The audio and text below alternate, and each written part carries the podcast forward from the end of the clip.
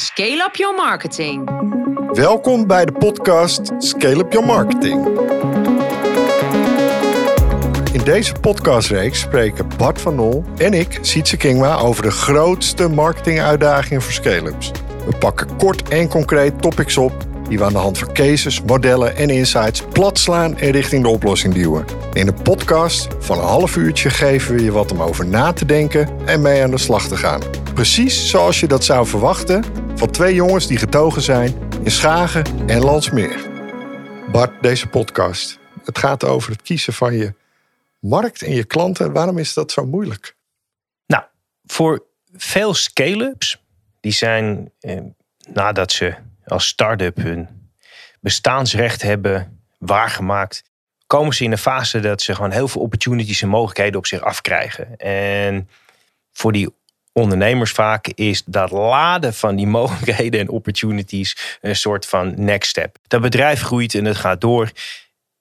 En wat wij heel vaak zien, is dat op een gegeven moment de organisatie op allerlei producten, op allerlei klanten, een hele brede portefeuille heeft.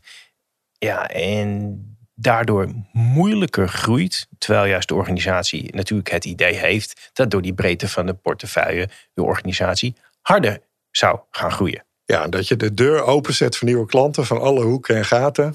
Uh, maar hoe breder je focus, hoe moeilijker het allemaal wordt. Ja, en, en, en dat is. De, dus, uh, wij, wij, werken veel met die, met die groeifases. Dat, is zo, dat gaat op voor, voor zeg maar van weet ik veel, 10 tot 50, 60. Maar dat gaat ook op die periode daarna van 50 tot 250. Ook daar zien we dat veel organisaties nog steeds heel veel innovaties, heel veel productontwikkeling. En dat ze eigenlijk gewoon heel erg veel moeite hebben om met die juiste productportefeuille en klantportefeuille samen te stellen. Ja, en dan wordt het uh, duur in mijn ervaring. Uh, ik weet niet hoe jij dat ziet, alleen wat mijn ervaring hierin is, is dat als bedrijven heel veel verschillende markten en doelgroepen proberen aan te spreken, daar moet allemaal geld in, dat moet allemaal opgezet worden, dat moet allemaal bijgehouden worden. Terwijl je product-marktcombinaties hebt waar je echt het verschil in kan maken, waarin je succesvol kan zijn, waar je eigenlijk al je geld in zou moeten stoppen. Ja, dus een goede keuze maken, wat wij altijd ordinair zeggen op onze masterclasses. Groeien door snoeien. dus het, is heel erg, het zit heel erg op dat stuk gewoon uh, kiezen. En die marktkeuzes maken, los even van de hoeveelheid, zit er ook nog voor, voor mij iets heel anders in. Dat op dit moment zijn er is ontzettend veel latente crisissen, uitdagingen, veel marktdynamiek partijen weten niet goed waar het heen gaat. Als je dus een heel brede portefeuille hebt, je, je, je, kiest niet goed, dan versplintert je aandacht in je resource. En volgens mij bedoelde jij dat ook met duur, denk ik. Ja, klopt. Herken jij dit bij je klanten, bij je partijen? Ja, het is uh, één op één uh, herkenbaar. Het is uh, zeker inderdaad in de fase nou, pak een beetje tot, uh, tot 50 man. Zie je dat het echt een groot probleem is. Dat vaak de ondernemer inderdaad bepalend is voor waar richten we ons op en waar focussen we ons op. En ondernemers kunnen gewoon niet zo heel goed kiezen. Ze zijn slecht in kiezen. Ja, want ze zijn bang om doelgroepen uit te sluiten en om mensen de deur te wijzen. Dat en, en om alle briljante ideeën die ze allemaal hebben bedacht, om die niet allemaal te kapitaliseren. Klopt. Dus focus, daar zijn we het over eens. Als jij kijkt naar product-marktcombinaties, het kost veel tijd. Hoe kiezen jullie markten en met je klanten bij bamboe? Ja, je hebt natuurlijk allerlei modelletjes om te bepalen waar ga ik me op focussen. Wat zijn je FAVO's? Wil ik toch even weten. Welke modellen gebruik je graag? Ja, je hebt natuurlijk BCG-matrix. Die kent iedereen denk ik wel. Heeft iedereen wel een keertje op school gehad. een Consultancy. Ja, klopt. Uh, waarbij je natuurlijk kijkt naar hoe aantrekkelijk is een markt. En hoe sterk ben ik in die uh, markt. Ja. Met de cows en de dogs en de stars. Stars, wat was er nooit? Je had er nog eentje. Cows, Dogs, Stars en... Question marks. Question marks. Ja, je, tijd terug. Goed, scherp. Uh, een ander modelletje wat ik iets beter vind... is de GE McKinsey matrix. En waar, daarbij kijk je naar business position... ten opzichte van industry attractiveness. Dus bij uh, de BSG-matrix krijg je naar marktaandeel. En die kijk je echt naar hoe interessant is een business. En als wij dit uitvragen bij klanten... dan voegen we vaak nog eentje aan toe. Dan pakken we drie stappen... Eentje is hoe sterk sta je in een bepaalde markt. Dus hoe, hoe groot is je onderscheidend vermogen? Hoe goed ben je in staat om te concurreren in die markt? Het tweede punt is welke positie heb je nu al in die markt? Al heb je al een goede positie, dan is het natuurlijk makkelijker om aan te vallen. En in, is een positie, is dat werk van marktaandeel, uh, naamsbekendheid, uh, uh, bruto marge?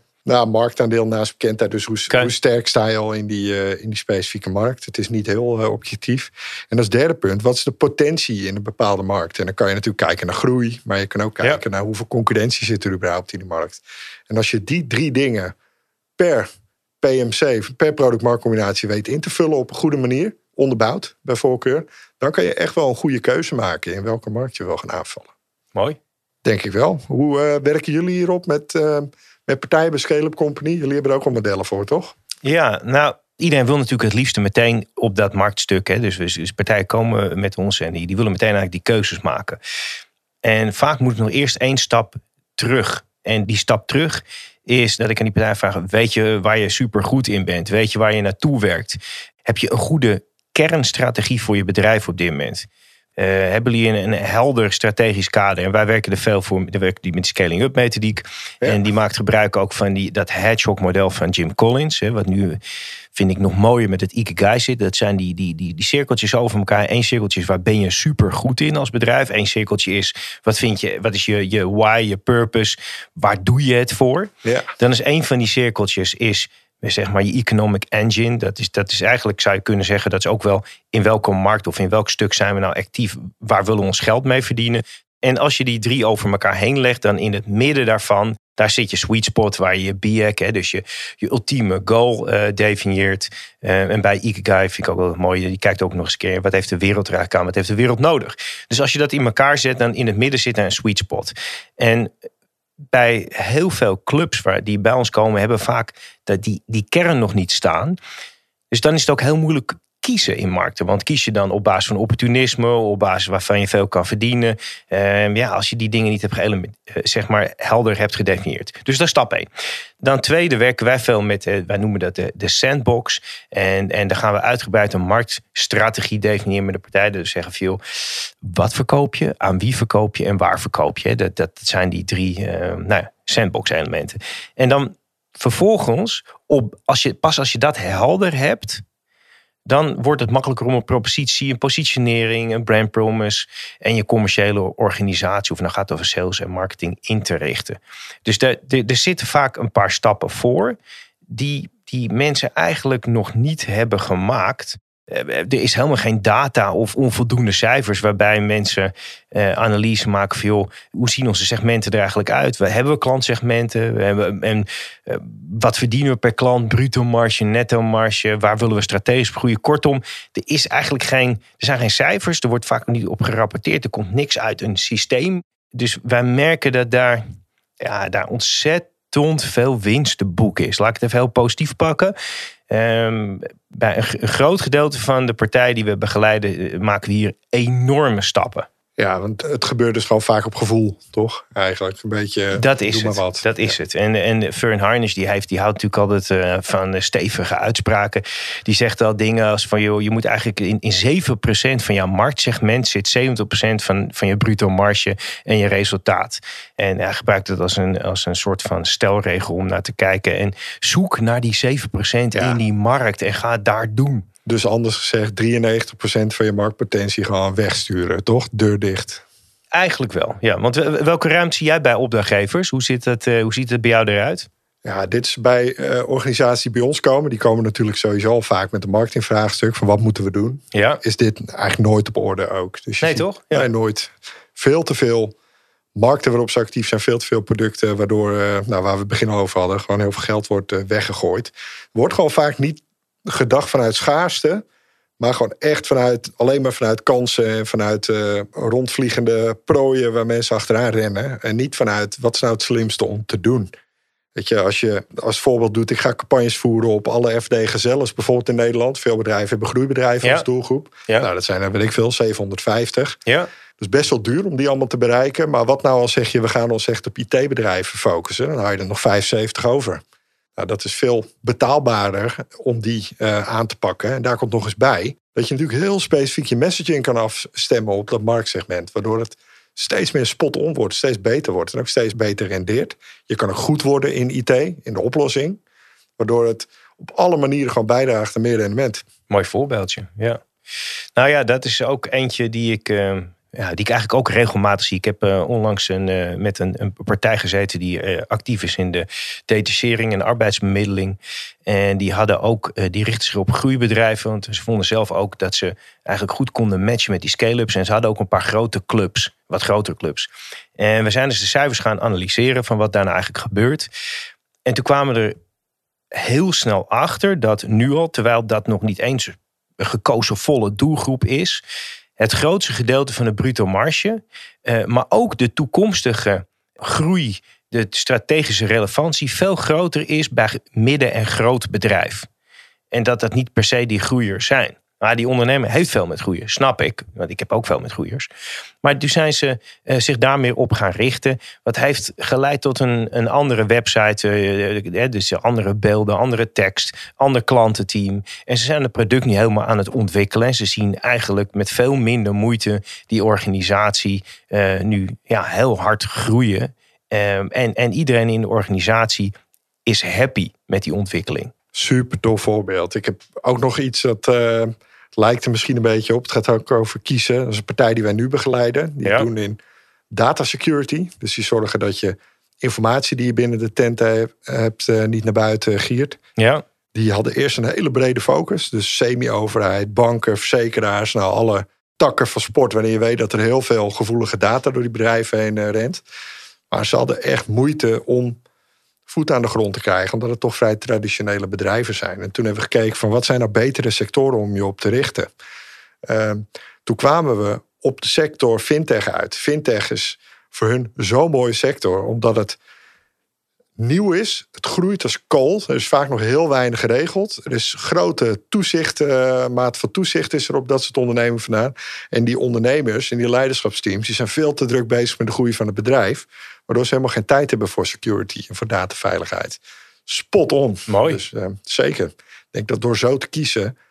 Uh, ik heb het laatste interview gehoord, ook in een podcast, waarin werd gezegd. Veel bepalender voor je succes is wat voor segment je kiest en wat voor markt je kiest. In plaats van wat je doet in die specifieke markt. Denk, ja, dat is hier echt een voorbeeld van. Ja. Ja, ja en, en dat vind ik ook nog even leuk om erop toe te voegen. Ook voor de mensen die nu luisteren en die bijvoorbeeld ook uh, uh, nou ja, wel eens rekening houden met in hun jaarplannen met de roerige toekomst. Je kunt met een hele eenvoudige uh, blik eens kijken naar al je klanten en alle segmenten waar zo'n partij in zit. En eens kijken veel hoe gevoelig zijn deze segmenten voor alles wat er nu gaan is op gebied van inflatie, energiecrisis, et cetera. Um, misschien kun je wel kiezen om te werken voor partijen die veel minder last hebben van, van fluctuaties of, of mogelijke crisissen. Waardoor je echt gewoon ook daarin veel stabieler kunt groeien. Dus er is gewoon de mogelijkheid om uh, te kijken naar waar kun je het makkelijkste eigenlijk vooruit gaan. Om dit goed te illustreren wat er bij zo'n partij met een goede keuze kan gebeuren, heb ik Hester Leriche geïnterviewd van het bedrijf Tover. Zij is daar uh, de chief en een van de eigenaren. En Tover is een bedrijf met een prachtige purpose. Zij ontwikkelen spellen, de software en de hardware, voor mensen met een cognitieve beperking. En die brengen ze op de markt. Ze hebben ook iets moois te vertellen over de keuze voor marktsegmenten. Hi Hester, hartelijk welkom. Fijn dat je een paar vragen mag stellen voor deze podcast. Je hebt natuurlijk al een mooie, indrukwekkende ondernemersreis achter de rug met Tover. En uiteraard nog ook voor je liggen. Um, ik wil het graag met je hebben over het kiezen van markten en producten. Kun je ons vertellen wat jouw visie daarop is in context met Tover? Ja, zeker. Wij, wij zijn echt begonnen vanuit een doelgroep. Dus vijf jaar voordat Tover überhaupt bestond, was de doelgroep eigenlijk al mijn, uh, mijn ja, puur mijn punt van aandacht of mijn onderwerp van aandacht. Dus ik begon met een uh, promotieonderzoek waarbij ik keek naar hoe we mensen met een dementie kunnen stimuleren om actiever te zijn. En ik denk dat dat, heel veel kracht heeft gegeven om aan het begin, in die beginfase heel veel focus te hebben. Want we wisten er al ontzettend veel van af. Het product hadden we bedacht. Het moest wel nog ergens ontwikkeld worden of gemaakt worden vooral. Maar we konden, we konden wel eigenlijk met heel veel focus en scherpte gingen we, gingen van start. Dus we hoefden niet te zoeken. Dus we hoefden ook niet te kiezen. Dus ik denk dat dat het veel makkelijker maakte. Ik denk wel dat het opportunisme uh, van, van die eerste tijd ons wel een hele tijd um, wat in de weg heeft gezeten. Dus uh, ja, ik ben een ontwerper van achtergrond. Dus als wij producten voor mensen met dementie maken, dan ja, mijn volgende stap is: oké, waar kunnen we volgen met deze basis van deze kennis, waar, voor wie kunnen we nog meer producten maken? En is dat overlap met het product wat we hebben? Dus ik werd steeds meer geïntroduceerd in de overeenkomsten en de verschillen tussen groepen mensen met een cognitieve uitdaging. Um, dan kom je in heel veel groepen terecht. Dus wij ja. Eh, stonden op zorgevents met ons product. En er kwamen heel veel mensen uit allerlei verschillende uithoeken van dat zorgdomein kwamen naar ons toe. Joh, kan je geen spellen maken voor meiden met een eetstoornis? Kan je geen spellen maken voor kinderen? Kan je geen spellen maken voor volwassenen met een verstandelijke uitdaging? Dus wij zijn heel erg getrokken door de markt om voor nieuwe doelgroepen te gaan ontwikkelen. Ja. Als ik terugkijk, was dat veel te vroeg ja, er zit overlap en er is ook enorm veel verschil. Eigenlijk ontwerpers te hebben, brandmanagers te hebben, dat konden we nog allemaal niet betalen. Dus wij waren, we zijn best wel lang een beetje ja, torn geweest tussen met het kleine teamje wat we hadden. We zagen die drie doelgroepen die ongelooflijk veel baat we hadden. En het zijn ook het zijn best wel emotionele momenten. Weet je wel, we hebben hier eigenlijk in Johannesburg hebben wij mijn eerste experimenten met kinderen met autisme spectrumstoornis gedaan. Ja, kinderen die normaal gesproken een spanningsboog hadden van misschien nog wel geen minuut, hebben we na twintig minuten de kamer uitgeduwd. Dus het effect voor die kids, die zag er. Dus wij, wij zijn een missiegedreven bedrijf. We hebben een team waar mensen iets bij willen dragen aan de, aan de wereld, de zorg willen verbeteren. Heel veel, iedereen zit er echt wel met hart en passie in. Dus kill dan nog maar een darling als je weet dat het voor die kinderen echt een gigantisch verschil maakt. Dus Hoe heb je dat gedaan? Nou, dat hebben ze niet gedaan. Dus we hebben denk ik een jaar of drie, vier, hebben we best wel geworsteld. En nu inmiddels hebben we, uh, vorig jaar januari is er een investeerder aan boord gekomen. En toen eigenlijk pas konden we op alle plekken, dus echt voor elke doelgroep, een dedicated team neerzetten. En dat is uiteindelijk de oplossing geweest om voor die drie doelgroepen voldoende aandacht, resources, focus te hebben om uh, te gaan versnellen. Um, en hoe ben je dat dan gaan doen? Want je moest wel keuzes maken. Dus je zit in de periode voordat die investeerder komt. hebt een aantal doelgroepen. Hoe ben je toen gaan kiezen? Wat dan wel en wat niet? Kijk, als 95% van je omzet nog uit de oudere zorg komt, dan is de keuze natuurlijk niet zo heel erg moeilijk uh, wie er een brandmanager krijgt. Dus wat dat betreft was die keuze niet zo heel erg moeilijk.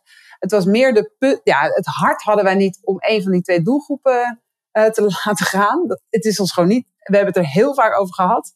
En ik denk een hele terechte vraag. En misschien als je er helemaal koud naar kijkt, misschien hebben we niet de juiste keuze genomen. Maar wij konden het niet. Dus wij hebben er echt voor gekozen om het ja, een beetje in een, um, ja, in een soort licht-light versie door te blijven ontwikkelen. Kijk, we hebben nu, en het was echt af en toe ingewikkeld en het is niet altijd prettig geweest. Maar wat ik nu wel denk, we hebben inmiddels in alle drie de doelgroepen een jaar of zeven minimaal zeven jaar ervaring.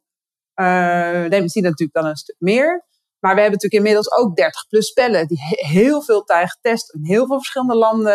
We, hebben in, we zijn meer in mindere mate, maar wel al jarenlang actief in die markt. En dat helpt ons nu. Want nu, ja, nu zijn we eigenlijk mature in drie markten. En waarom ik nu denk dat het wel goed werkt, is dat er nog steeds is die, is die overlap er. Dus er is voldoende overlap. We kunnen voldoende van onze kennis, van onze software development kracht. Uh, onze hardware is 100% hetzelfde voor elke doelgroep. Kunnen we hergebruiken.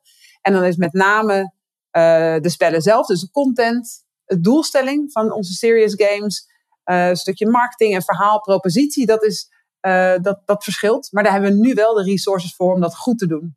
Met marketing dus. Dus je hebt ook veel meer marketing resources nu daarop. Ja. En dan nog even, want ik kan me voorstellen, in het begin kom je in die fase waar je ook gaat verkennen. Eh, wat doet mijn product? Wat doet mijn dienstverlening? Voor wie? Doelgroepen komen erbij, et cetera, et cetera. Maar dat houdt nog niet op. Want jullie zijn een grote stap internationaal aan het maken. Mhm. Toch? Ja, zeker. Want in hoeveel landen zitten jullie nu? Uh, veertien. En ter vergelijking, vijf jaar geleden? Mm, vijf jaar geleden denk ik eh, een stuk drie. Ja, dus dat is een enorme groei. En daar heb je ook groei in je marketing voor mhm. nodig. En dat moet je organiseren. Wat doe je nu met innovaties die op, op je afkomen? Eh, doelgroepen die wat willen. Eh, hoe werkt dat nu intern? Want ik kan me voorstellen, met bijna alle marken, markten die je betreedt, komen er weer nieuwe Mhm. mensen met suggesties en ideeën naar je toe. Zowel intern als extern. Ja, aan ideeën geen gebrek. nooit, nooit gebrek aan ideeën. Ik denk wel dat we eh, iets zijn gegroeid daarin. Eh, laat ik ook eh, hand in eigen boeg. Ik inmiddels ook. Dus eh, waar ja, dat echt op het is, al nog een ontwerpproject, daar gaan we nog iets voor bedenken. Dat is, ja, ik begrijp inmiddels echt veel beter wat voor impact dat heeft. En ook hoe je je huidige producten in de weg zit op een bepaalde manier. Als je te snel dus die volgende stap neemt. Dus ik denk dat ik daar zelf iets, ietsje wijzer in ben geworden. Misschien zijn mijn collega's daar het overigens nog steeds niet mee eens. Maar ik denk van wel. En wat we doen als we echt wat meer aan die fusie front-end nieuwe concepten willen ontwikkelen, waar we ook wel mee bezig zijn, dan Ja. proberen we dat eigenlijk zoveel mogelijk uit de running business te trekken. Dus dat kan dus ook echt alleen als we resources hebben ehm, eh, voor een, ja, een soort satellietteam, zeg maar, die, die in hun eigen werkelijkheid weer een ontwerptraject start. Ja.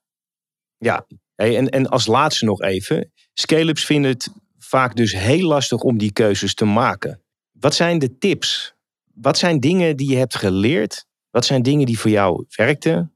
Eh, Je bent iemand die het ook moeilijk vindt om te kiezen. Hoe krijg je ergens focus op? Ja, ik zou vooral er niet aan beginnen, want dan, dan, gaat je hart open en dan komt al die compassie met die doelgroep. Eh, echt, als ik het nog een keer zou doen, dan zou ik denken: hele interessante markt, ook een hele interessante markt. Ik begin met nummer twee in mijn derde jaar, begin met nummer drie in mijn vijfde jaar. En that's it. Dus ik had nooit alvast het design research moeten doen. Super. Dank je wel, Esther. Graag gedaan. Inspirerend verhaal, hè? Ja, super, Siets. Ook heel erg leuk om te horen zo. En Bart, als je nu kijkt naar een aanpak hè, om tot een goede product-marktcombinatie te komen. eh, je kan natuurlijk dat een beetje op gevoel doen, hè, van wat is een interessante markt. Maar kan dat nou niet onderbouwder? Wat, wat, wat is jouw visie erop? Hoe kan je dat nou goed neerzetten? Nou, ik heb daar natuurlijk over nagedacht en ik denk dat je daarvoor een paar stappen zou kunnen nemen. De eerste stap is denk ik dat je de juiste data op tafel moet krijgen over je markt, over je klanten, over je omzet, over je winst. Dus wat ben ik nu aan het doen? Wat levert het eigenlijk op? Dat is denk ik stap 1.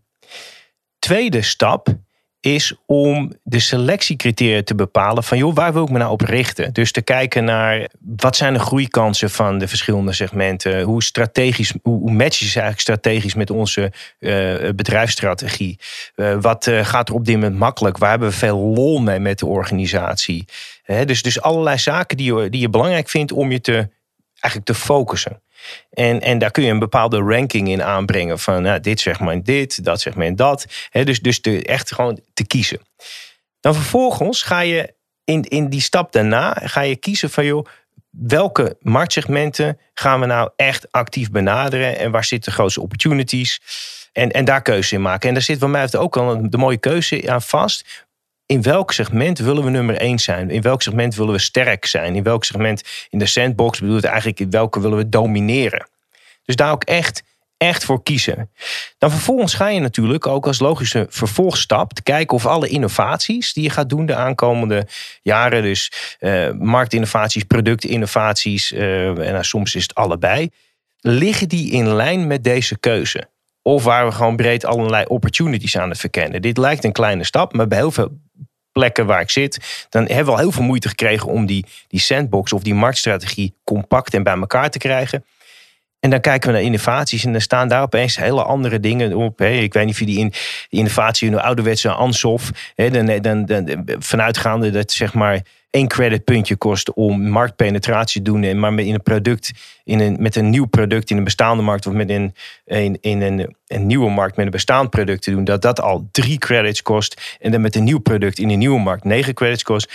Dan, dan brengen we even in kaart wat die, wat die partij van plan is en dan zien we opeens zomaar vier spots staan op negen punten. Ja, en dan, uh, dan kijk ik naar in de, in de ruimte en dan is dat de organisatie met, uh, waar 67 mensen werken, met drie mensen op innovatie en een heel klein budgetje. En dan denk ik, jongens, serieus. Dus dat, dan, dan zit daar de keuze voor de innovaties. Dan, dan is de vervolgstap, dat is eigenlijk stap 5, is maak nou eens met dit verhaal wat je dan hebt, een marktbewerkingsplan voor de aankomende drie jaar. Dus zet het ook eens in in tijd. Want een van de angstelementen die mensen hebben om die keuze te maken, is dat ze zeggen van ja, als ik nu voor deze marktsegmenten kies, wat doe ik dan met al die klanten die ik al bedien? Weet je wel, laten we die gaan. Of, en dan zeggen we, nou pak daar nou tijd voor. Focus je op wat je vooral wil hebben. En de rest dat loopt dan wel langzaam weg. Of misschien wil je nou een keer afscheid nemen. Maar goed, dan geven ze ook wat tijd om daar rustig aan te wennen. En dan is de allerlaatste, maar zeker niet onbelangrijke stap, is breng dit nou goed naar de organisatie. Want daar zien we het heel vaak niet goed gaan bij kleinere clubs. Alles is bedacht in het managementteam of directieteam of leiderschapsteam of hoe het ook heet. En vervolgens weet de organisatie eigenlijk helemaal niet wat die keuzes zijn geweest. En, en op de marketingafdeling zijn ze halfbakken of slecht geïnformeerd. Ja, de accountmanagers rennen toch nog achter iedere haas aan. Precies. dus nou ja, daar, daar, is heel veel over te vertellen. Misschien een andere podcast. Maar, maar wij zeggen echt, joh, trek daar de tijd voor uh, uit. En nou, neem iedereen mee in die bus. Want bij jou ziet hoe helpen jullie klanten bij deze keuze vanuit jouw perspectief? Ja, we hebben wat ik, wat ik eerder al vertelde, die stappen die we nemen om uiteindelijk in kaart te brengen. Wat zijn nou überhaupt interessante product-marktcombinaties? Ja. En als je dan met zo'n Ansoff matrix aan de gang gaat en je komt op nieuwe markten die je wil betreden. Ja. Of uh, bestaande klanten waar je nieuwe producten op wil plotten. Dus je gaat in ieder geval nieuwe dingen doen. Ja, dan wil je dat toch eerst gaan neerzetten in de basis en gaan valideren. Dus wat wij dan bijvoorbeeld vaak doen, is dat we echt bepalen welke topics gaat het om. Welke topics liggen ten grondslag aan iemands oriëntatietraject. Daar gaan we content omheen maken.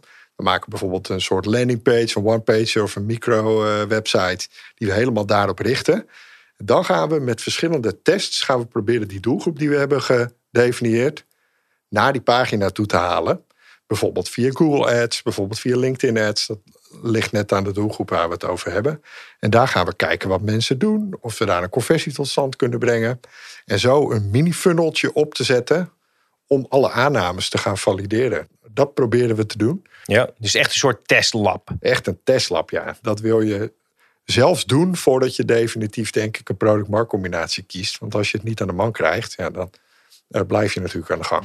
Ja, hey, en dat klinkt natuurlijk allemaal heel MVP en slick en allemaal online. Met en, even, wat, is, wat is de doorlooptijd van zoiets? Hoe lang, eh, als ik bij jou kom, uh, hoe lang ben je, ben je bezig voordat dat micro-experiment uh, is doorlopen? Ja, ik zou hier in de basis denk ik drie tot vier maanden of zo voor uittrekken. Echt vanaf dat je het aan het bedenken bent totdat het totdat het echt goed draait en is gevalideerd. Oké, en, en, en het out-of-pocket budget voor een, eh, voor een partij die dit inkoopt? Ja, dat verschilt wel echt heel erg per uh, markt. Maar snap ik, snap ik. ik vind het is een beetje wat, wat kost een boek. Maar, maar toch even als je iets zou moeten... Ja, mensen luisteren, die hebben misschien ook interesse in, in, in, in, in, wat de gemiddelde partij voor zoiets vraagt. Maar ik bedoel, moet je denken aan uh, 20.000 euro, is het 50k, 100k? Ja, ik zou denken dat je voor zo'n eerste traject tussen de 15 en de 25k ongeveer moet budgetteren.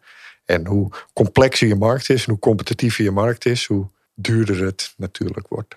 Ja, hey, en, en voordat we nog naar de, de laatste tips en verwijzingen gaan, heb ik dan ook nog een, een andere vraag aan je.